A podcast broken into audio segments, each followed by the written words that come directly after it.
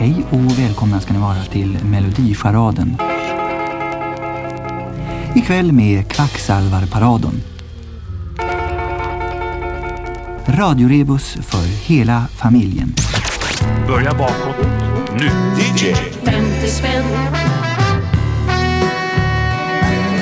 Eh, Jag sätter igång nu då. Borsta bort lite skivdamm från brallorna. Jajamän, Söderorts kanske slitstarkaste oldiestation är här igen. Som vanligt är musiken lagrad, mustad, jäst, picklad i rockhistoriens grumliga saltlag. Det kanske var lite pretentiöst det där, men jag gillar att eh, leka sån här eh, sent på natten radioprater som bara låter hjärnan snurra och munnen följa efter.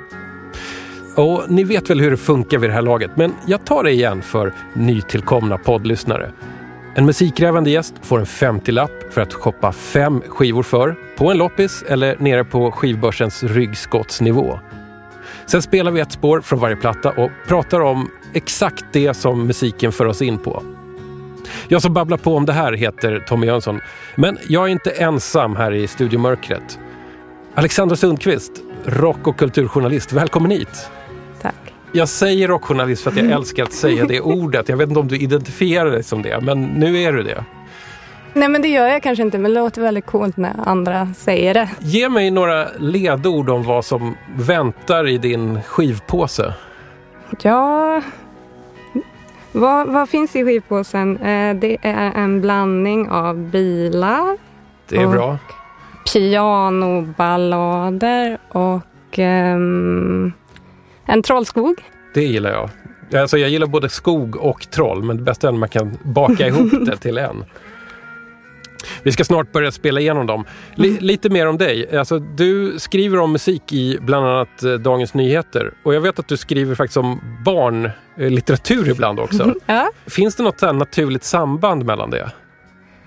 Ehm, men på ett sätt finns det det därför att ehm, för det, det man kan säga att jag gör är att jag skriver musikkritik och Mm. sen så skriver jag också um, bildkritik och då är det både ja, barnlitteratur men då mest bilderböcker och Ja. eh, serieböcker och det finns någonting vad ska man säga, någonting abstrakt som förenar det. Att, eh, jag menar, hur, hur beskriver man i ord hur musik låter? Och hur skriver man text om kanske en eh, bok med bara bilder men inga ord? Al- Alltså det, det finns ganska ofta utrymme att flumma ganska mycket. Tar du de möjligheterna du har att flumma loss i text då?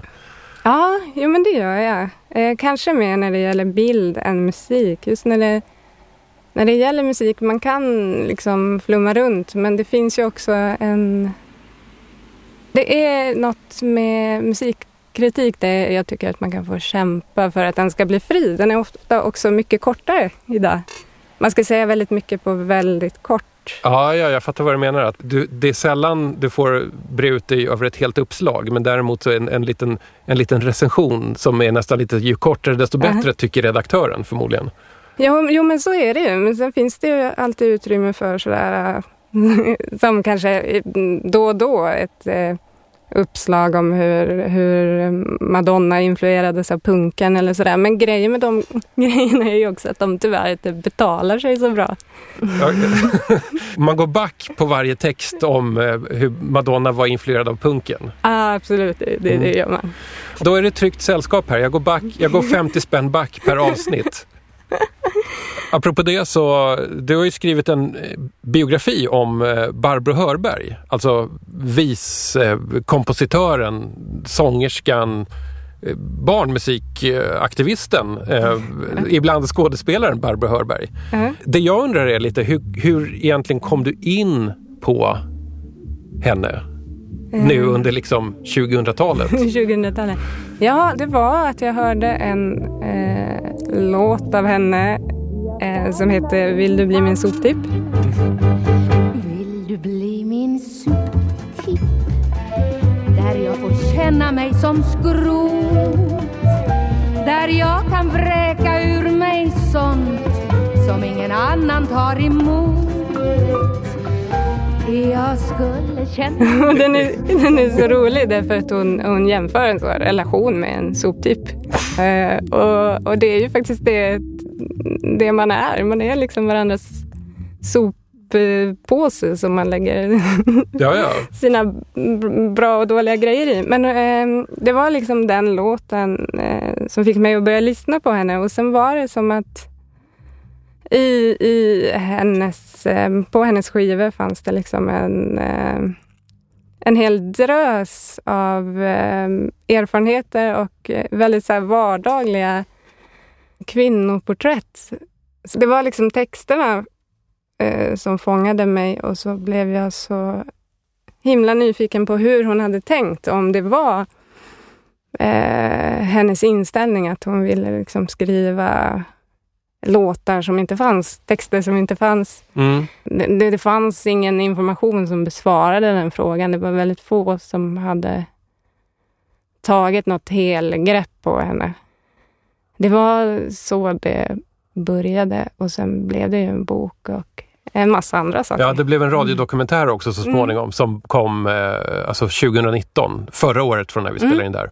Hur, hur kändes det då att få skriva ganska mycket om henne och vara liksom nästan först med det?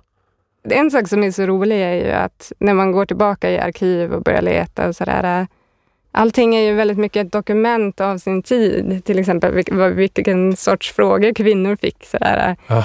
Men det som var så fint var att eh, det fanns så mycket privat material Mhm. sparat. Och eh, framförallt mycket brev Mm. och även hennes anteckningar. Så här, hon har skrivit ner. Hon skrev ner hur hon spelade in med Jan Johansson, alltså dag för dag och sådär. Så, sånt som man kunde gå till. Och eh, det som också blev tydligt i allt det här eh, privata materialet var hur mycket hon använde sig av sina egna privata eh, erfarenheter och att hon också flera år innan hon då gjorde eh, Med ögonkänsliga för grönt som var hennes liksom första, då, hon hade gjort barnmusik innan, men hennes, Hennes första riktiga liksom, album. ja, men hennes vuxenskiva. Ja. Då, mm, flera år innan det så, så eh, skrev hon i brev, då sammanfattade hon liksom vad hon ville göra. Mm. Eh, Det finns så många killar i Sverige för närvarande som producerar härliga, skärpta och angelägna visor. Men av kvinnor, om kvinnor. Jag vill gärna fylla en sån plats. Tjejerna har fått hybris. Ja, det är roligt. Det, jag bara tänker med det där att den, den artistrollen för, för liksom en kvinnlig låtskrivare och artist, det var som att den inte riktigt fanns innan 70-talet. Förstår Nej, du vad jag menar? nej. Alltså du vet den här, vi, vi kommer in på det sen i din skivhög, Mm. men liksom den här kvinnliga, lite så här självbiografiska singer-songwriter-artisten. Ja. Det, det måste ju varit någonting ganska nytt då. Ja. Ska vi lyssna på lite Barbro Hörberg här innan vi kör igång med dina fem skivor för 50? Du som låser om dig försiktigt och sen väntar på något gott. Du vill vinna högsta vinsten fast du inte har köpt någon lott. Om du vill att det ska hända som förändrar och skakar om så håll alla dörrar öppna så får du minnen du aldrig kommer från. De kan vänta där bakom hörnet att du själv ska komma dit eller bara drämma till dig så du aldrig blir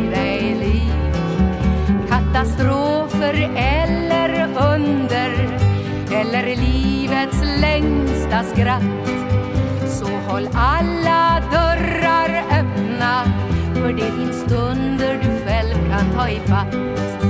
Varje gång jag stack fram hakan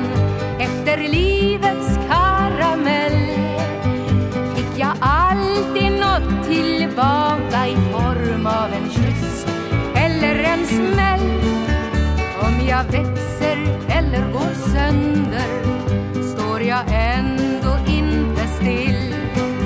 Så håll alla dörrar öppna så att livet kan nå mig när det vill. Ja, nej men det var Håll alla dörrar öppna med Barbro Hörberg. Mm. Och jag tycker att det är en helt... ehm, eh, men det är en helt fantastisk låt. Jag tycker det öppnar sig i hjärtat när man hör den. Men just det här... Eh, man måste liksom kasta sig ut. Ibland får man liksom som man sjunger, ibland får man liksom en karamell och ibland får man en käftsmäll. men, men man måste liksom fortsätta och eh, hon, hon skrev ju också den här eh, texten när hon själv hade eh, bröstcancer och hon hade ett eh, litet eh, barn och så Mm. småningom så, så dör hon ju i cancer när cancern kommer tillbaka. Men ehm, Eh, lite som service till lyssnarna här, men också lite sälj. Vad heter din biografi om Barbro Hörberg? ja, men den heter Barbro Hörberg med ögon känsliga för grönt. Och den gavs ut 2017 tror jag. Den går att få tag på fortfarande tror jag. Mm. Om man rotar på en bokhandel eller lånar på ett bibliotek. Eller Ja, radiodokumentären går att lyssna på eh, på Sveriges Radio. En P2-dokumentär från förra året. Så det är ett litet tips. Men inte lyssna riktigt än, för nu ska vi köra dina fem skivor. ja.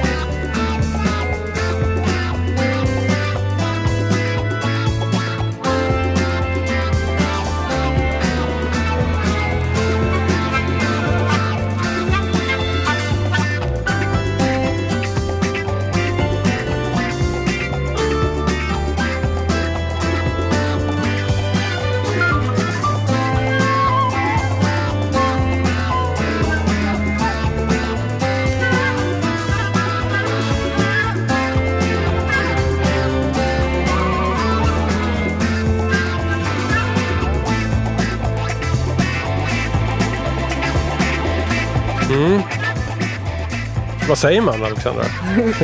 Make it go. Alltså hur mycket wow-gitarr kan man egentligen hälla ner på svensk folkmusik på beat? mycket. Mycket Ja. kan man hälla. För det, det här är näst... Merit kan man hälla. Alltså vilken, vilken kvinna. Mando, Mord och Morskemän med Merit Hemmingsson från eh, LP-skivan Trollskog.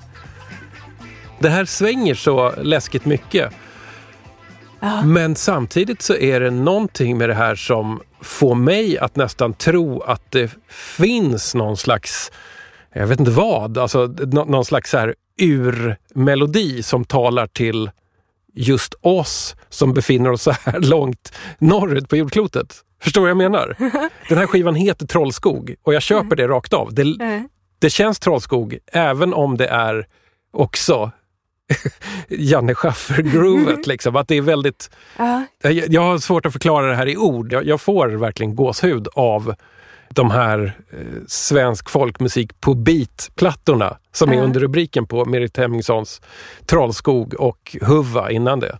På ett sätt så tänker man att det låter väldigt svenskt, men hennes groove är ju också väldigt Ja. eh, internationellt, vill jag tro. Jo men det är det väl, alltså, det här är väl sånt som är oerhört till exempel samplingsvänligt. Ja, Det är en sak som slår mig när jag hör det här och det är att Lyssnar man på det här med någon slags musikhistorisk lur i, till örat så, så är det så här att man hör att det här är inspelat i världens modernaste land. Men även om det är inspelat i världens modernaste land, som är 70-tals Sverige, så är det ändå bara en eller två generationer tillbaks till barkbrödet. Den här eviga muren av liksom dystra, mörka granar och tallar som liksom alltid bara så här står där och så strålar ut någon slags mörker. eh, mörker och vemod.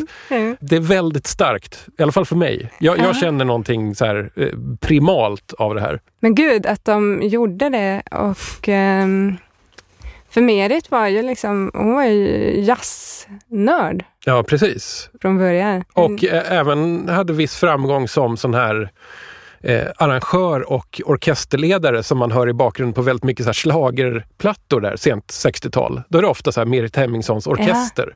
Men det är också, apropå det där vi var inne på innan, så där, det är bara några generationer tillbaka. Ehm, alltså att det kanske inte är något dåligt för en ny generation Nej, att gå tillbaka med en annan eh, blick för att ehm, det är ju vad de gör på den här skivan. det är ju vad de gör och, eh, och det som händer är ju också att de får kids att lyssna på folkmusik i grov Ah. tappning. Så är det eh, kanske. Ja, nej men alltså det var, det, det, det, det var det som hände då i alla fall. Det var, det var många unga som, Ja. som, som köpte de här skivorna skidigt, eh, tidigt 70-tal. Och eh, på Youtube finns det såna snygga klipp där de liksom står, eh, alltså Merit då, hon sitter ju Mm. i sin Hammondorgel, men så, eh, står de här, det är bland annat Kalle Almlöv, tror jag, Spelemännen. Liksom. Mm. Han står där med fiol och, och de, det är någonstans i Jämtland och en, en sommarkväll och det är folk överallt och de spelar liksom den här otroligt svängiga musiken och de är så snygga och det känns så 70-tal. Mm. Eh, men eh, så därför, det är ju min nya dokumentär som jag håller på med. Men att just Berätta det mer. Ja, jag gör en, en eh, P2-dokumentär just nu om Ja. Merit Hemmingsson. Mhm. Eh, och sen var hon ju då i, eh, i, i skivbacken eh, här nu, 10 kronors backen. Men Ja, hon är alltid i 10 kronorsbacken. ja, det fanns ju en del folkmusikbyråkrater då som i eh, Spelemansförbundet eller vad Mm. det heter, som inte tyckte om vad hon gjorde, alltså att hon skändade Ja, folkmusiken Ja. lite för att man Men det där är väl liksom en, en, en ständigt pågående kamp om folkmusiken. För, alltså mellan traditionalister och förnyare och så, och så kan det komma lite olika strömningar i det här, vad som egentligen är rätt. ja, att göra. Men, så är det väl. Och så var det ju då... Men det är också speciellt när man får bli den som k- klär skott för det då. Mm. För att eh, den här skivan kom 72, tror jag. Och det var också den Delsbostämman 1972. Där de, det, det är liksom 20 000 pers i publiken och någon håller något anförande. Liksom ska öppna det här och, och, och pratar om henne som ett dåligt exempel på hur folkmusiken kan Oj! kan låta. Och, och då, då var Merit Hemmingsson 32 år och eh, backstage någonstans och hon hörde inte det. Men, men just det här... äh, vilken grej det måste ha varit. Mm. Jobbigt om någon säger att man är fel inför 20 000 pers. Då känner man sig Jag vet, men jag, jag tänker att för de här folkmusikfundamentalisterna eller Mm. folkmusikbyråkraterna eller, eller vad du kallade dem. Det måste ha varit en jobbig tid där i början på 70-talet för att ungefär samtidigt som det här så gör ju Kebnekaise Alltså proggbandet Kebnekaise gör ju ungefär samma sak. De sätter liksom en modern rytm och puls på gamla Äh? urpolskor. Och det blir ju också exakt så här tungt och exakt så här svängigt. Alltså, förändring är tufft. Ja, jag vet. Men, men jag tycker nu, här sitter vi med musikhistoriskt facit och då Ja. kan vi se att Merit hade rätt. Aha, Och hon gjorde rätt. Eh, jag måste bara namedroppa lite här för det är ju inget dåligt gäng hon har eh, liksom ringt in för att göra den här skivan. B- Bengt Palmers som, som producent då. Han, han får ju mer cred oftast för Björn Skifs-produktionerna. Men det här är ju hans finaste stund som producent. Det är ju folkmusik på beatplattorna med Erik Hemmingsson. Ja, och sen eh, utöver henne så är det såklart Janne Schaffer som wowar, wow, wowar loss på den här. Sabo Martinez på kongas. Björn Gison Lind såklart som väser med flöjten. De har till och med tagit en av de liksom lite coolare dragspelarna från den här tiden. Eller tycker jag coolare. Sune Banger. De hade kunnat ringa Ebbe Jularbo, de hade kunnat ringa Peppan. Men de tog Sune Banger. Förlåt, parentes. Nej, Jag blir så nyfiken här när, när du säger att du håller på med en musikdokumentär om Merit Hemmingsson. Då har du alltså då har du träffat henne också? Ja, ja. Hon är eh, härlig. Hon känns verkligen som en musiker på något sätt. Mm. Eh, och ehm, ja, men hon säger själv att hon, alltså, för hon har ju också lite facit, att hon hade aldrig några vassa armbågar. Hon gjorde alltid vad hon kände att hon hade lust med. Ja, men hon, hon kan vara lite självkritisk, men hon lindar liksom inte in i någonting. Nej. Eh, Sådär, för det, det som... Hon, hon har ju några intensiva folkmusikår, men sen går hon ju över till att göra eh, andra grejer. Och vad Eh. gör de då? För att jag har lite dålig koll på vad som händer med Merit, Merit Hemmingsson efter de här skivorna. Ja, nej men hon, hon gör ju typ eh, fyra, fem skivor på typ fem år. Och varav en också är en dubbelskiva tror jag det är, med Beppe Wolgers Mm. och Kalle Almlöv. Och eh, när de här, Hova är den första som kommer av de här folkmusik på beatskivorna. Och ehm, alla de här skivorna säljer ju skitmycket. Hon spelar skitmycket. De spelar in jättemycket. Och det kommer ju typ en skiva om året nästan Mm. i, i ganska många år. Och un- och under tiden så får hon två barn Mm. eh, som hon eh, inte hinner träffa för att hon är ute och spelar så mycket. Så att, eh, men till slut så behöver hon, hon, hon säger själv att det var när de började tjäna pengar som hon tog en paus. Alltså liksom hon, eh, hennes eh, man var, var hemmaman också Mm. med barnen. Sådär. Ja, men hon tog en paus och så, så flyttade hon till Dalarna. De köpte någon jättestor eh, gå, alltså någon gammalt pensionat. Sådär, sjukt stort. Och hon spelade ju musik hela tiden. Men sen gör hon ju lite olika saker. Hon spelar in salmer på Mhm. orgel. Jo men den har jag nog förresten. Alltså jag, jag, jag tror att jag nästan har henne, hela hennes 70-talsproduktion har jag köpt för 10 kronor styck. Ja. De finns alltid. Och sen på 80-talet har hon ju en väldigt kort popkarriär också.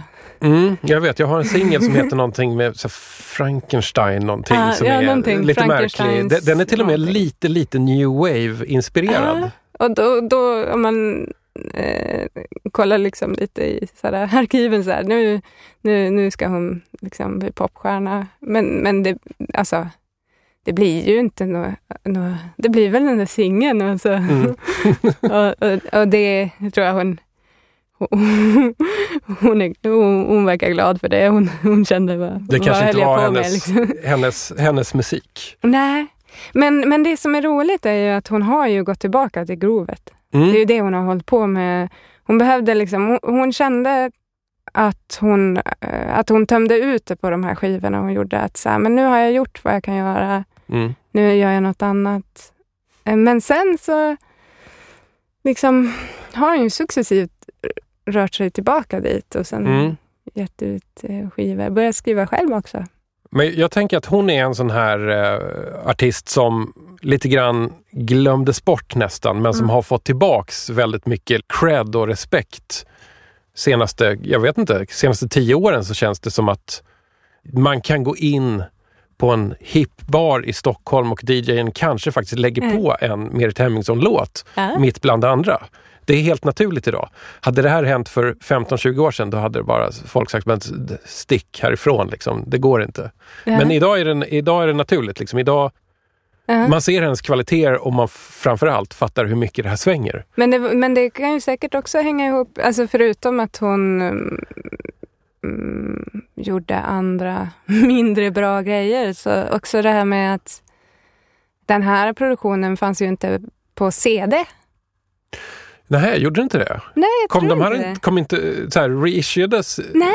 Nej, vad intressant. För, för det som händer sen är att typ eh, The Ark, Mhm. eh, Martin Axén i The Ark eh, och Ola Salo då, eller det här är väl 90-tal någon gång innan de bildade Ark, men eh, Martin Axén hittar i alla fall en så här, hennes skivor i Ja. någon back, liksom blir helt, börjar spela dem ute i Malmö. Men sen så, de håller liksom på att bilda band och de drömmer liksom om att de ska spela med henne eller boka henne någon gång. Men de tycker liksom att hon är lite mytomspunnen. De undrar lite så här, finns hon? Ja.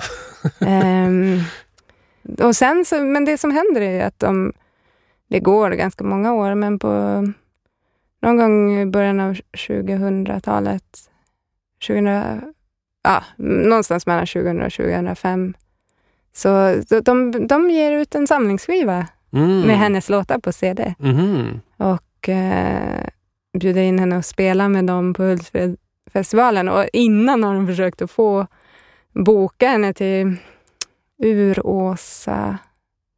För det var någon, några kompisar till dem som hade den. Men då hade det varit så att det hade varit så här, Merit Hemmingsson, my god, typ finns hon ens? Så här, de hittade en telefonkatalog för Stockholm, hittade hennes namn, ringde och hade liksom ingen plan för att de skulle svara. Men så svarade hon och de bara, ja.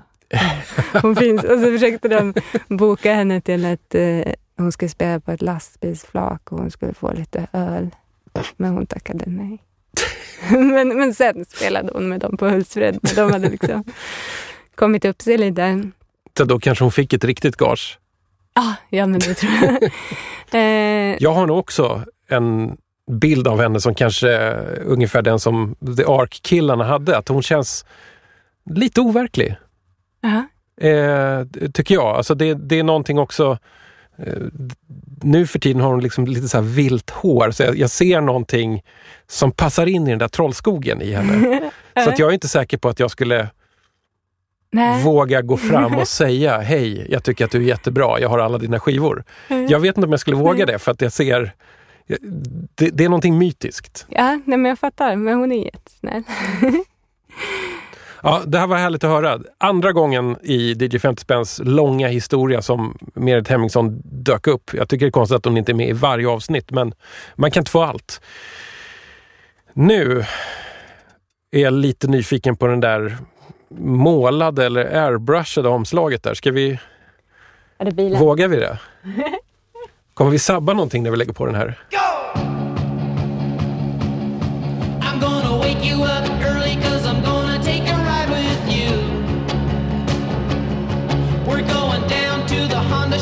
就有。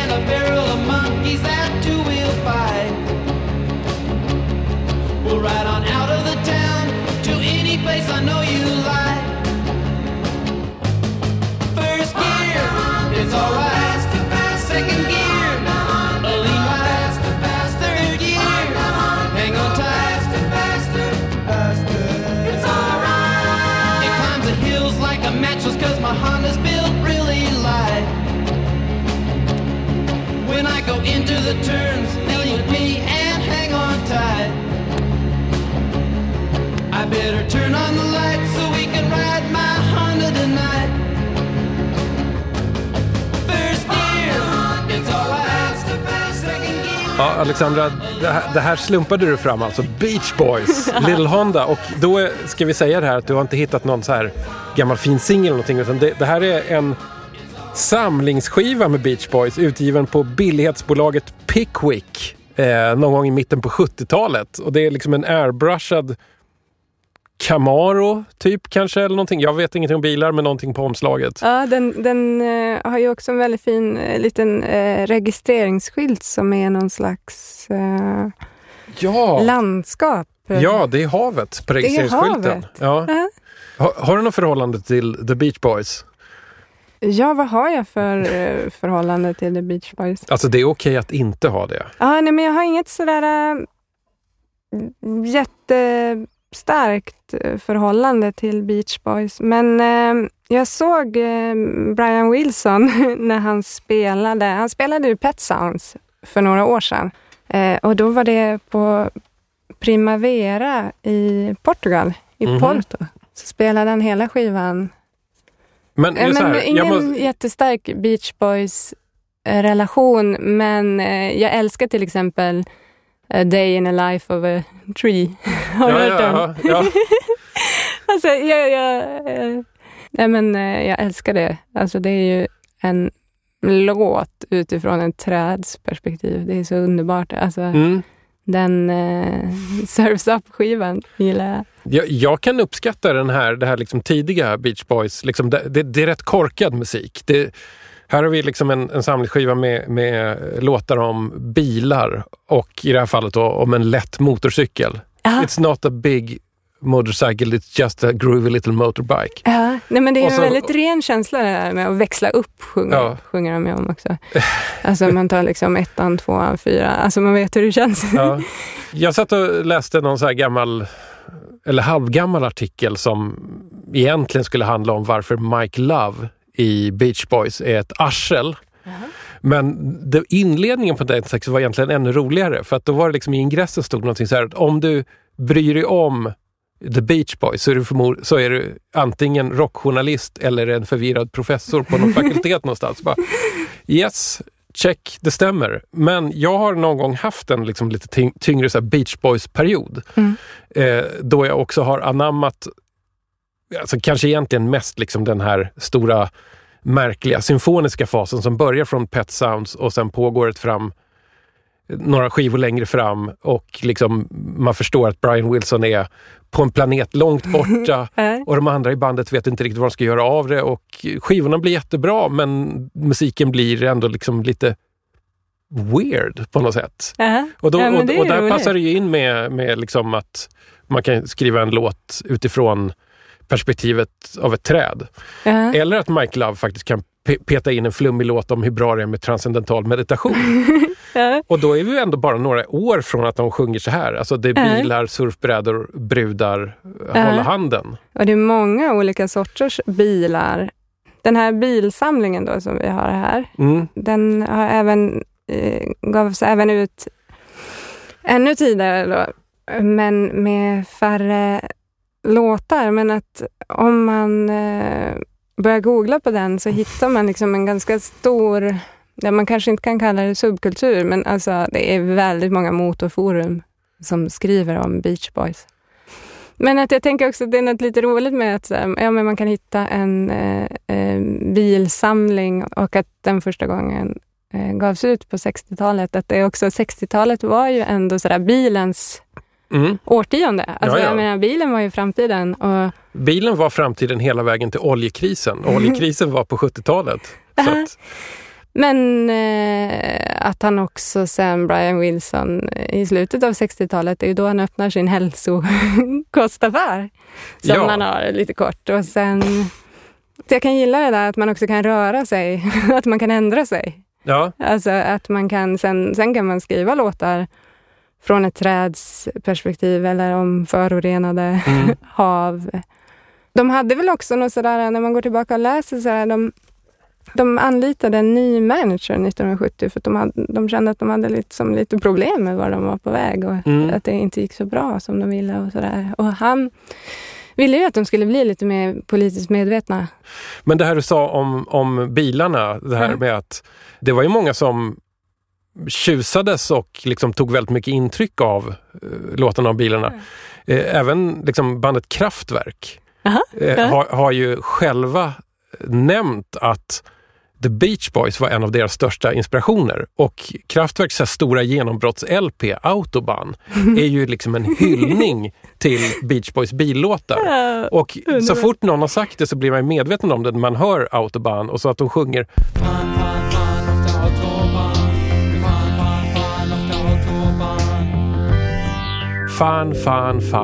auf der Autobahn. Det är så här, fun, fun, fun on the Autobahn. Ja, ja men kul.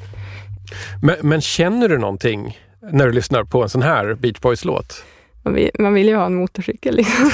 en liten, liten Honda. A groovy little motorbike. Nej men alltså, det, det jag kan faktiskt alltså, uppskatta den här, alltså det är ju någon slags ren eh, glädje. Mm.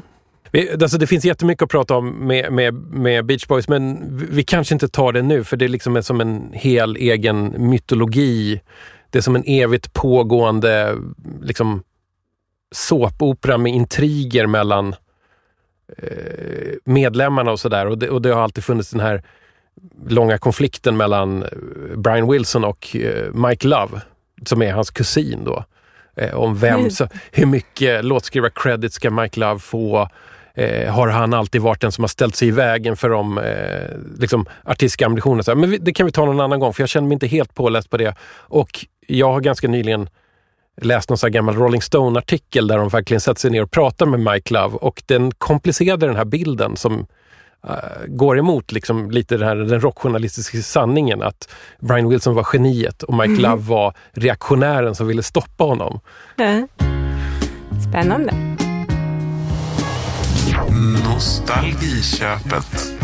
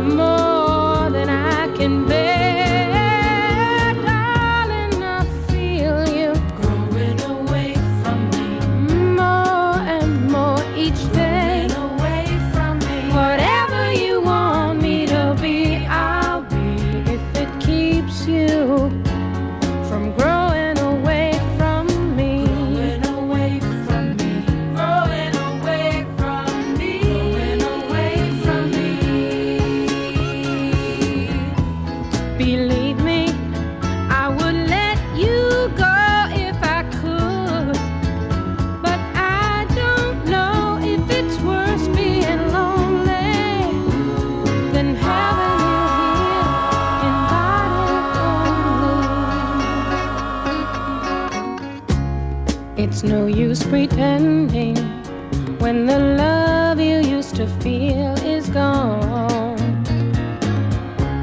Yet even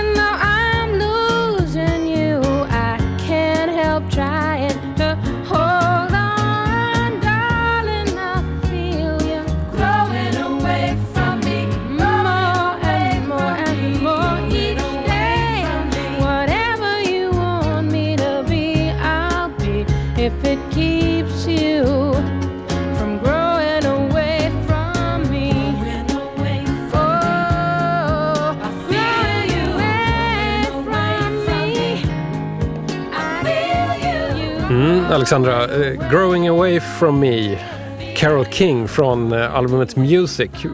Vad känner du i kroppen när du hör det här? Ja, men en, sak som eh, jag, jag ändå tycker om med, med, med den här skivan och med de här låtarna är att eh, allting får vara så stort. Alltså det är liksom så stor orkestrering. Det är så många som är med och spelar.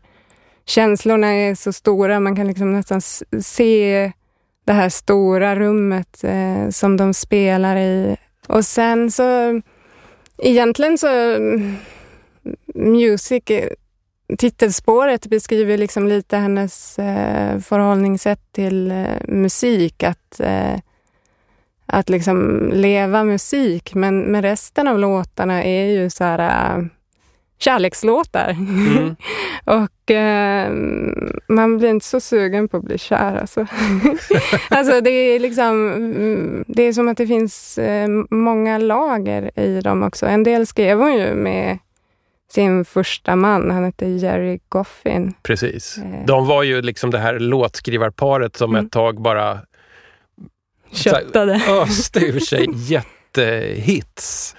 Det, det var ju deras 60-tal, liksom, att det var den Ja. ena efter den andra. När man eh, börjar tänka på sådär, vilka låtar hon eh, och de har skrivit så, alltså, det är ju sjukt. Ja, Och en sak som också är rolig, tycker jag, för att hon gjorde ju Tapest, alltså hon gjorde ju flera skivor. Hon gjorde väl en soloskiva innan, ja. men det var väl den som liksom fick en sån framgång utan motstycke. ja visst. Och det var ju också den som gjorde, gjorde att hon blev liksom stor, inte bara som låtskrivare utan som artist. Hon, Ah, hon drog ja, ja. till Kalifornien, hängde med det här Laurel Canyon-sammanhanget av människor och gjorde, tycker jag, någon slags här, eh, musik som kommer vid den här tiden. Det är liksom så här, pop och rockmusik blir vuxen, skaffar barn, villalån, kombi och vill lite grann ut ur stan. Förstår du vad jag menar? Ja, ja, då- men absolut. Och, och då vill man, då, och då är ju liksom det perfekta är att bo på någon sluttning där man kan se utkanten av Los Angeles och ha lite grönt omkring sig ändå. Ja, Och sitta och liksom, inte vet jag, känna massa saker och få ur sig de som låtar. ja, Då får man det här. ja. Eh, Innan så skrev de ju i... mm, Alltså de började ju i någon slags eh, ja, men väldigt litet rum där det liksom bara rymdes ett piano och man knappt kunde röra sig. Och, Mm. och från det kom ju den här eh, You make me feel like a natural woman Just det. eh, som de skrev till Aretha Franklin. Mm. Och ehm, alltså, en del låtar kom ju därifrån och sen, ehm, sen växte de ju ur det där rummet. Men det tycker jag också är roligt att tänka på att vi har alla varit i sådana där små rum. Eh, det är ju också någon av de här låtarna som handlar om att köra tillbaka till Kalifornien. Mm. Vill bara åka hem till Kalifornien. Jag är ganska dålig på att uppfatta låttexter så för mig så, så, så, så låter musiken och liksom själva vokalerna bara på något sätt. Allting på den här låter ungefär som att man ska åka i en sån här kombi med liksom träpaneler på sidorna uppför en kulle någonstans utanför Los Angeles. Så här, he, hela den här skivan har den känslan för mig. Och det passar ganska bra i, hur du beskrev det så här att det är så pass stort, det är så mycket instrument. Men grejen är att det känns alltid lätt. Det blir aldrig riktigt heavy. Men, men det är också där texterna kommer in som den här äh, låten vi, vi lyssnade på nu. Just det här, äh, man, man känner den här, äh, vad ska man säga, konstanta solen i kroppen när man hör den. Men också om man lyssnar på texten så den, den handlar ju i princip om att vara ihop med någon som kanske, det är kanske inte specificerat att den här personen har en annan person, men en person som inte är där. Att bara ha någon liksom eh, i kropp, inte i, i eh, tanke. Och då är frågan, har man någon alls om de liksom inte är där? Då, då, då, då, då behöver inte det vara kanske otrohet. Det kan ju också vara andra saker såklart. Men, Mm. men att det finns något sådär... äh, Det bästa ordet jag kommer på är så här, mm, bitterljud. Alltså det, Ja. Eh, När i ditt liv började du lyssna på Carole King?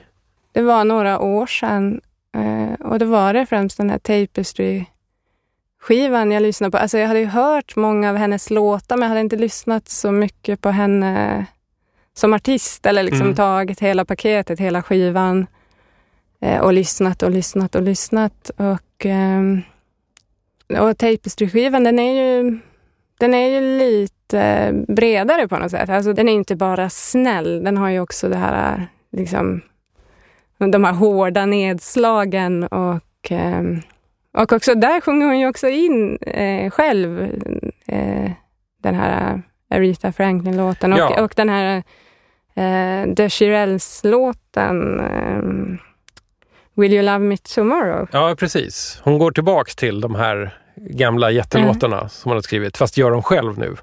Ja. För första gången antar jag. Ja, men precis. Men det, är också, det finns en motsägelse i henne som är lite intressant. Just att hon, hon blir den här äh, artisten då som först eh, slår i USA och sen i England och, och sen i Europa och sen överallt. Men hon är i princip den första kvinnan som, som eh, säljer 75 miljoner skivor. Och den här Music då, den, den gick inte så bra, men den sålde ändå 1,3 miljoner skivor första dygnet bara Ja. i USA. Precis. Och det är liksom så här siffror man, man fattar dem inte ens. Och, men hon var i grunden låtskrivare. Hon verkade mer intresserad av det än någon slags artistidé. Alltså det var, hon ville vara hemma och hon ville... Alltså sådär, när, hon, när hon skriver sina memoarer som kom för några år sedan, då handlar de liksom inte så mycket om det här äh, stora livet liksom, eller de här rocken och rullen, utan hon, hon är liksom mer att hon åkte hem och lagade kläder och liksom påtade i trädgården. Ja. Eh, så hon, hon verkar liksom varit ganska anspråkslös. Du, du har läst Carole Kings eh, sj- självbiografi? Ja, alltså för... Och den handlar om att hon åker hem och, och lappar kläder. Det låter ju inte så här som liksom, den ab- absolut tjongigaste rockbiografin man kan läsa. Nej, och den fick ju lite kritik för det. Att den var för tråkig. Den, den fick lite kritik för att hon eh, var en, en, en too natural woman. Liksom. Den heter typ natural woman också. Eller något sånt där. Hon skriver också där att hon, eh, hon är liksom glad att hon inte tog droger och så här, för hon är en av de få hon, hon känner som eh, minns eh, 60-talet. Ja, det b- bara en sån sak. Ja. Men, men jag undrar så här, fanns det någonting liksom i, i, i dig eller i ditt liv som fick dig att faktiskt börja plocka upp den här typen av skivor? Carole King till exempel, när du letar efter musik. Ehm, För att jag kan, jag kan bara nämna, så här, för mig så var det så att det, det var ganska nyligen som det här överhuvudtaget fanns på kartan. Att jag skulle ta upp en Carole King eller en James Taylor eller Joni Mitchell. Jag har alltid tänkt så att gud vad tråkigt. Mm. Det här kan inte vara för mig. Men för några år sedan så började jag ändå så att tänka att de, de är så vanliga. De är så här, jag testar den. Och Ja. sen blev jag ganska hooked sådär. Att jag gillar det här med eh, det här som kommer ur liksom pop och rockmaskineriet som sattes igång på 50 och 60-talet. N- När den kommer ut på andra sidan där och 70-talet börjar så blir den här musiken, det måste helt plötsligt finnas en lite mer vuxen musik eh, som kommer ur det. Och, och d- den här typen av artister är det. Den vuxna tänkande människans popmusik på något sätt. För, för att innan så var det så väldigt mycket liksom att det handlade om Ja, eh, bilar, brudar, pojkar, eh, knark, våld, sex och sådär. Och dans. Och nu, ja, Dans och nu och kan du fortfarande danser. göra det, men på ett moget sätt. ja, nej, men det är kanske det som är, är, är 70-talet. Liksom. Ja, jag tror det. På ett sätt, för, för eh, 60-talet är ju ändå lite mera ut och leva på något Mm. sätt. eh, Och, och sen, ju längre 70-talet går så börjar ju fler och fler tycka, gud vad tråkigt det har blivit. Och så kommer punk och liksom allt det där. Men det, Mhm. det, är, det, är, en annan, det är en annan historia. ja, jag tror att jag ut, fattar vad du är ute efter också. Just det här. Men jag, jag hade till exempel en... ehm, ja, men jag undvek till exempel Joan Baez för att jag tänkte att hon... Ja, Eh, min syrra lyssnade väldigt mycket på henne och ehm, tyckte att allt lät liksom så stiligt. Mm. Ja, men jag vet inte, jag tyckte liksom att hon eh, trängde sig på lite. Eh, det är ju lite samma sak med Barbara Hörberg eller sådär, att det är ju... Jag vet inte, alltså det var ju många som sa till mig att så här, men särskilt i början, så här, varför, varför har du gjort en här? ja vad svarade du då? Ehm, varför inte? Nej men alltså det, det var många som ha, hade en eh, idé tror jag av att eh, jag borde ha varit åtminstone 40-talist. Mm. För, för att de hade liksom en så stark relation till hennes musik. Eh, och sen... Eh, men det, men, eh, så att det var liksom lite som att eh, det var lite konstigt att vara född på 80-talet och göra det. Men Å andra sidan så betyder det att man kan gå in mer med liksom, vad ska vi säga, lite mer nytvättad blick och komma in från ett annat håll ja, och ta sig an någonting ja, gammalt. Det, så brukar jag ofta tänka när jag försöker liksom rationalisera för mig själv att jag gör det här. mhm. Varför, varför ska jag intressera mig för liksom de här 70-talsskivorna som finns i mängder och kostar 10 spänn? Jag, jag tror att man hittar saker som, som 40-talisterna kanske har missat eller glömt Ja. bort där. Eller att man idag kan sätta det i ett helt annat sammanhang. Mhm. För att vi, vi har ett annat facit att gå efter nu. ja. Som kanske inte alla boomers riktigt är medvetna om. Nej. Nej, nej men så, så är det ju. Och sen så tror jag att också om man... eh, För det jag märkte var att alla, eller många, hade en så stark bild av henne. Alltså så här, det var mycket så här att jag minns exakt första gången jag hörde henne. Jag såg henne Mhm. i tv, jag var åtta Mm. år. Eller hon talade till mig på det här sättet. Alltså nästan en Dylan-relation med Barbro Hörberg. Alltså Mhm. det- alla, alla har sin Barbro. Ja, Ehm, så, så på det sättet är det lite som att man... mm, Alltså att, att eh, jag klev in i något som jag inte hade någon aning om. Mm. Eh, och, och det var ju väldigt fint. Och, och, då, eh, och då hände det. Alltså jag minns att en gång så träffade jag en, eh, en, en liksom kvinna som var över 90 som bara... Eh, då, och då, då hade det varit liksom en, en, en Egentligen bara ett så bokprat på Stadsbiblioteket, men Maja Gödicke som bor i Göteborg, hon, hon, hon är också 80-talist och tycker om Barbro Hörberg. Hon, hon eh, framförde några låtar och den här liksom, kvinnan som var så här 90, hon bara, det här var den bästa dagen i mitt liv. Alltså, Ja, oj. alltså, eh, Barbro Hörberg tog verkligen fram mycket sådär känslor eh, på något sätt. Ja, vi skulle förmodligen kunna prata ännu mer om Carole King och eh, allt sånt som Carole King får oss att tänka på. Men jag, jag tänker att vi ska gå...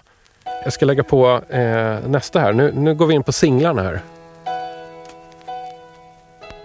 No, I can't forget this evening or your face as you were leaving. But I guess that's just the way the story goes. You always smile, but in your eyes your sorrow shows.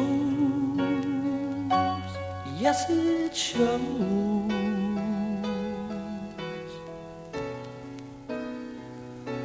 No, I can't forget tomorrow when I think of all my sorrow. Well, I had you there, but then I let you go. And now it's only fair that I should let you know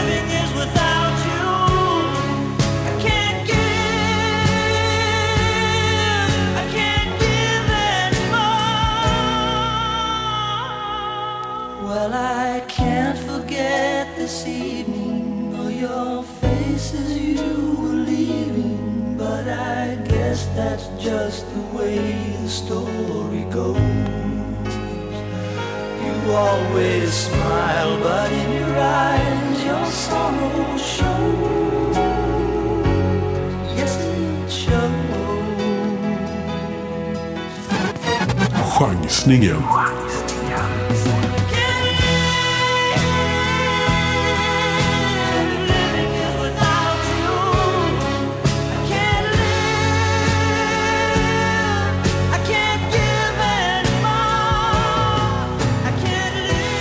Ja, ja men det, det var ju såklart Nilsson, alltså Harry Nilsson med Without You från Nilsson Schmilsson. du, har, du har köpt singeln här i en jättefin liksom RCA-påse med en regnbåge på. Ja, Väldigt barnslig, väldigt fin. ja. Nej, men den är jättefin. Regnbåge, moln, blommor i moln. Varför plockade du upp den här? Alltså jag tog den ju på då chansningen. Mm. Och jag kände inte till eh, Harry Nilsson innan jag hörde den här Got to get up-låten. När du kollade på tv-serien Russian Doll Precis. på Netflix. Ja. Den är ju väldigt effektfullt använd i den, att den Ja. bara kommer om och om igen. Ja, precis. Varje gång hon återuppstår så, så drar den liksom igång med den demoniska klaviaturen Mm. eller liksom vad det nu är. Eh, och, ehm, men sen så, så dök den här sing, eller den där singeln liksom låg den här 10 kronors Mm.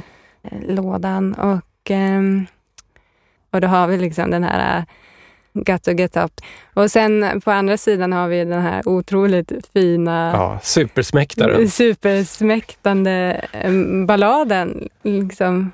Men man får ju en känsla av att Harry Nilsson var en man med många sidor. Ja, nej men faktiskt. Och eh, svår, av den anledningen lite svår att få eh, grepp om faktiskt. För att han är ju så här slog väl liksom lite igenom på grund av att eh, när Beatles någon gång strax innan de splittras fick frågan så här, så här, finns det någon artist ni tycker bra om? Nilsson, svarade gud. På ett sätt var han liksom rent så här, musiktekniskt nästan lite av en pionjär. Han var väldigt tidig med att eh, använda många overdubs, alltså att sjunga lager på lager på lager med, med sin egen röst och göra en massa tricks med det. Ja, okej. Eh, Ett av hans album från där början på 70-talet är liksom egentligen det första typ remixalbumet. Om man liksom börjar googla lite så står det att han hade svenska föräldrar som var någon slags luftakrobater. Ja, hans, hans farföräldrar tror jag det var. Ah, så, som, farföräldrar. som hade eh, liksom, eh, kommit till USA. Där hade de blivit alltså, en cirkusfamilj. Ah, shit. Ja, man undrar ju också hur det kom sig att han... eh, För den här... mm, Det är roligt att det är en låt som man eh, förknippar med Mariah Carey. Ja, men, men- att det är en cover i så många lager. Att eh, Ja, Harry Nilsson gjorde den här låten, eh, att det var en cover på Bad Finger. ja precis. Och den är ju ganska, den där originalet, alltså, man fattar ju att den inte lyfte, eller det är ju liksom lite knarrigare rock. Mm, Den är lite, lite knarrig, lite bredbent. ja. Rock. Jag tycker att den Eh. kommer faktiskt bäst till sin rätt här. Inget ont, ont sagt om Mariah Carey, men, men jag tycker Mm. att det, det är så här den ska låta. Ja, ja men och det verkar varit så hon, hon hörde den. Liksom. Jag läste något sånt, att hon hörde den eh, i Harry Nilssons tappning i någon restaurang. Och Ja. bara, den här måste jag sjunga in. Och att hon, liksom, alltså, hon ville gå på hans spår när hon spelade in den också. Alltså att hon ville behålla det han gjorde. Men det, det är lite samma, samma sak som med, med eh, The Beach Boys, att det, fin, det finns så mycket att ta upp. Alltså med, med Harry Nilsson så är det så här att det, det är nästan lite för, för mycket Eh, märkligheter och stories för att vi ska kunna prata om det här. Alltså det är allt ifrån att i hans lägenhet så dog först Mamma Cass från Mamas and the Papas tror jag. Och sen några år senare så dog Keith Moon i samma lägenhet som de liksom hade lånat av honom. Eller bara en sån där sak att han var datorprogrammerare innan han blev låtskrivare och artist och liksom jobbade på en bank med att liksom på något sätt börja datorisera det här. Det är en knäpp grej. Och sen att han blev liksom väldigt god vän med John Lennon. Harry Nilsson var ju, hans, var John Lennons krökarpolare. Och då passar ju liksom Harry Nilsson in i någon slags här post-Beatles-universum, eller vad jag ska säga. Just det. Och det leder oss lite till Ja. din nästa, din sista skiva. Ja. Ska vi lägga på den på en gång? Ja.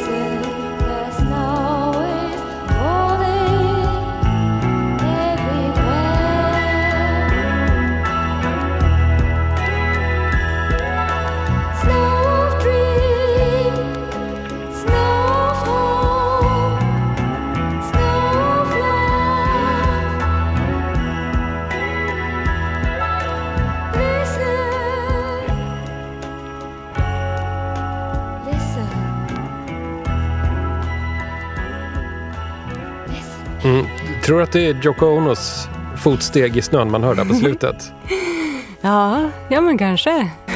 Vad tror Ja, du? Låter det vet. som lättast steg? Jag, jag har ingen aning. Alltså, det, Nej. först tycker jag att det inte riktigt låter som riktig snö, men snö kan nog låta sådär Mm. också. Ja. Du, du har i alla fall som ditt fynd här plockat eh, singeln eh, Merry Christmas the War is over. Men om man är less på den låten, då ska man vända på skivan. Då får man den här. Det. Listen the snow is falling med Plastic Ono Band. Yoko Ono and the Plastic Ono Band. Fast på andra sidan är det John and Yoko, the Plastic Ono Band. Ja, men det är fint också om man kollar på, um, på mitten där på, på trycket. Att de blir ju varandra. Ja, precis. Alltså det är Johns, John Lennons nuna som steg för steg blir Yoko Onos. Ja. Varför tog du den här skivan? Mm, ja, nej men... ehm, jag tycker att det är... Alltså, båda låtarna är ju sjukt bra. Men jag tycker att den... Um, Listen the snow is falling är, är en så fantastisk låt. Sen tycker jag att hela deras eh, samarbete är lite kul och just det här med den här singeln, att hon har skrivit liksom den ena och han Mm. har skrivit den andra eh, sidan. Och, ehm, och att låtarna egentligen, både Happy Christmas War is over och ehm, eh, Ono-låten, eh, att de handlar ju egentligen om samma sak. Mm. alltså sådär, det är lite... Eh, War is over är ju eh, ver- verkligen så antikrigslåt och någon slags, eh, men liksom en, vad ska man säga, tonsättning av enighet på något sätt. Och ehm, hennes låt är lite mera, nu kallar jag det hennes låt, men Jo, men det, det, det, är det väl på något sätt. Ja. Det är dessutom hon som sjunger också, så att jag Ja. menar... Den är ju liksom lite mer lågmäld, alltså den, den flyter ju fram lite mer. Ja. Och sen eh, och den har liksom både det här eh, stora greppet och det lilla greppet och att hon använder lite... Eh, dels är det ju motsättning i det här. Nu, nu eh, hör man ju att någon tassar där när, när låten tar slut, men just det här Listen the snow is falling. Hur, hur låter snö som Ja. faller? Kan man liksom höra det? Eller det snarare bristen på ljud? Alltså man, man brukar ju höra att det liksom Mm. blir lite tyst när Ja, det snöar, det. i alla fall i stan. Mm. Alltså jag tror att hon även använder liksom det här med att höra snön i sin eh, konst eh, och i det här grape eh, eh, fruit projektet som hon gjorde, att hon, eh, hon också liknade eh, snö, snö vid tankar, alltså om man får översätta det lite som att Mm.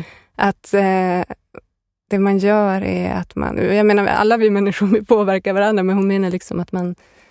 Snön, det, det, är det när man kommunicerar med en annan människa. Det är liksom, då faller snön. Och Mm. man ska inte sluta förrän det är liksom, den andra människan har snöat över ungefär. Alltså liksom att, jag menar, sen kan, det ju, kan man ju också tänka på snö som något annat som föll i luften i Vietnam kanske. Ja, ja Eh, men, men att det också är, är, är någon slags låt om en, eh, vad ska man säga, man är en enhet i en helhet. Mm. Och sen så tycker att, eh, jag har alltid tyckt att hon sjunger så himla fint. Ja, Alltså. det är väldigt speciellt också. Den är lite högtidlig, lite svajig. Aha. Det, det kanske är lika självsäkert som till exempel hur John Lennon sjunger, men det låter inte riktigt som det. Alltså det finns en, Nej. liksom en, eh, en liten så eh, skörhet i det som... Ja. Jag, kan, jag har lättare att ta till mig det än till exempel John Lennons sångstil. ja, men det låter lite som att hon skulle, alltså, att hon skulle kunna brista lite. Någon så, alltså, eh, alltså inte känslomässigt, men också som, alltså, det är något fysiskt med hur hon sjunger. Att det skulle kunna liksom svaja lite. Men sen så, mm, så, så finns det också en berättelse med den här låten. att eh, Phil, Phil Spector har ju producerat båda Mm. spåren på den här singeln. Eh, men också att när de spelade in den, att ehm, bandet ville liksom rocka mer Ja. på den här låten. Alltså de, de ville verkligen rocka. Ja. Eh, och hon, eh, hon ville liksom hålla ner det. Ja. Hon ville liksom att den skulle vara liksom lite... Alltså inte Lite för, mer som snöfall kanske. Ja, men lite så. Och hon fick kämpa väldigt hårt för det. Alltså det Mm. blev tydligen en ganska hetsk eh, stämning. Och eh, hon blev också förbannad för att hon tyckte inte att de tog henne på allvar. Jag, jag kan ju inte alltså, låta bli att tänka på att den här Yoko Ono-låten Mm. heter Listen the snow is falling. Och sen om vi går fram nästan tio år i tiden så höll hon på och jobbade på Walking on thin ice. Mhm. Det är en fantastisk låt, men den, är- den är ju liksom en så modern no wave, nästan åt någon slags taggig discohåll. Okej. Eh, Och det är också den här konstiga vintermetaforen, då är det Mm. is istället för Mm. snö. Men det var ju den låten som hon jobbade på i studion den dagen då John Lennon blev skjuten. Ah, okej. Det där kopplar ihop i huvudet varje gång jag hör den här. Mm. Så tänker jag framåt sen också. Sen kom det en till låt med snö och is-temat. Det finns inget samband mellan dem tror Nej. jag. Men, Nej. men det ställer till det i mitt huvud. Ja. Eh, jag minns att det, det var inte så många år sedan så var det ju i Vanås, så, så, alltså sådana här plats, platsspecifika konstverk, så hade hon ju någonting där man kunde, det var liksom i träden, man skulle hänga upp sina önskningar. Just det. Vanås skulpturpark. Ja. Ja. Och det är en väldigt så här, Yoko Ono-aktig konstidé. Ja. jag hängde upp en lapp. Vad skrev du? F- eh, har, har Nej, det liksom, får man eh, inte säga kanske. Jag vet inte vad preskriptionstiden Nej. är. Nej, men det gick i uppfyllelse i alla fall. Det var skönt att veta. Ska vi Mm. sluta där kanske? Ja. Där fanns det i alla fall ett slut. Finns det någonting som vi liksom har lärt oss om dig eller om världen eller om kosmos av de här fem skivorna? Mm, alltså jag har ju i alla fall tänkt på hur hur hisnande det är att man kan få så mycket musik för en 50-lapp. Det är sant. Mm, det är som att man inte riktigt fattar det förrän man lyssnar. Men sen... Alexandra, vi har bara liksom själva slutstationen kvar. Den sista konen att runda innan du får springa in i mål. Vet du vad det är? Nej. Det sista du får höra innan du går ut härifrån studion är den västtyska bandledaren James Last eh, som har gjort hur många Easy Listening-skivor som helst och eh, jag valde den här till dig. Jag hoppas att du kommer att uppskatta den. Mhm.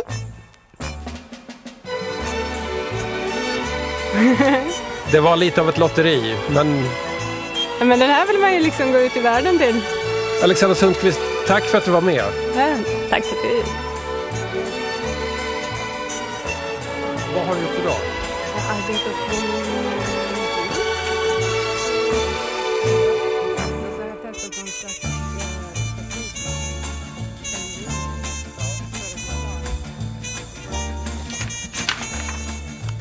Just det. Innan jag lämnar mikrofonen här och stänger ner i studion. Här kommer bipacksedeln med information som du kan ta till dig eller strunta i. Den 17 oktober här i Stockholm så kommer jag och vinylarkeologen Martin Alarik att duka upp ett Swedish Smorgasbord igen. Vi tar med oss några backar med favoritförsvenskningar och så spelar vi dem från grammofon. Platsen är Devoto på Vikingagatan här i Stockholm och tiden är alltså den 17 oktober 2020. Vi ses där, hoppas jag. Nu har det hakat upp sig här. Eh, det är sånt som händer om man köper sina skivor på loppis. DJ 50 spänn är en independent produkt som sätts ihop av mig, Tommy Jönsson. Och podden görs i samarbete med mitt gamla produktionsbolag Rundfunk Media. Vill du kommunicera så är du alltid välkommen att mejla till den här adressen. Hej snabela dj50spann.se Alltså hej snabela dj50spann.se Och likea gärna min Facebook-sida också. Och dela gärna på sociala medier avsnitt som du gillar. Lyssna.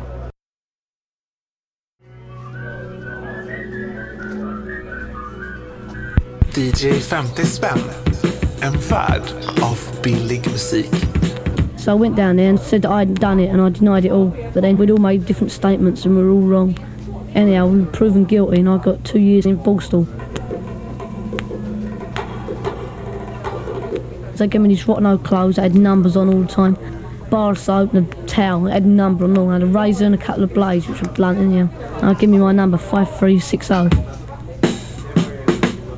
A geezer come round, the governor, and he says, um, I've got a friend, if you're good in that, you can go down and visit with him. He's got a nice swimming pool down there, some of the boys go down there. I thought, yes, if you've been for him.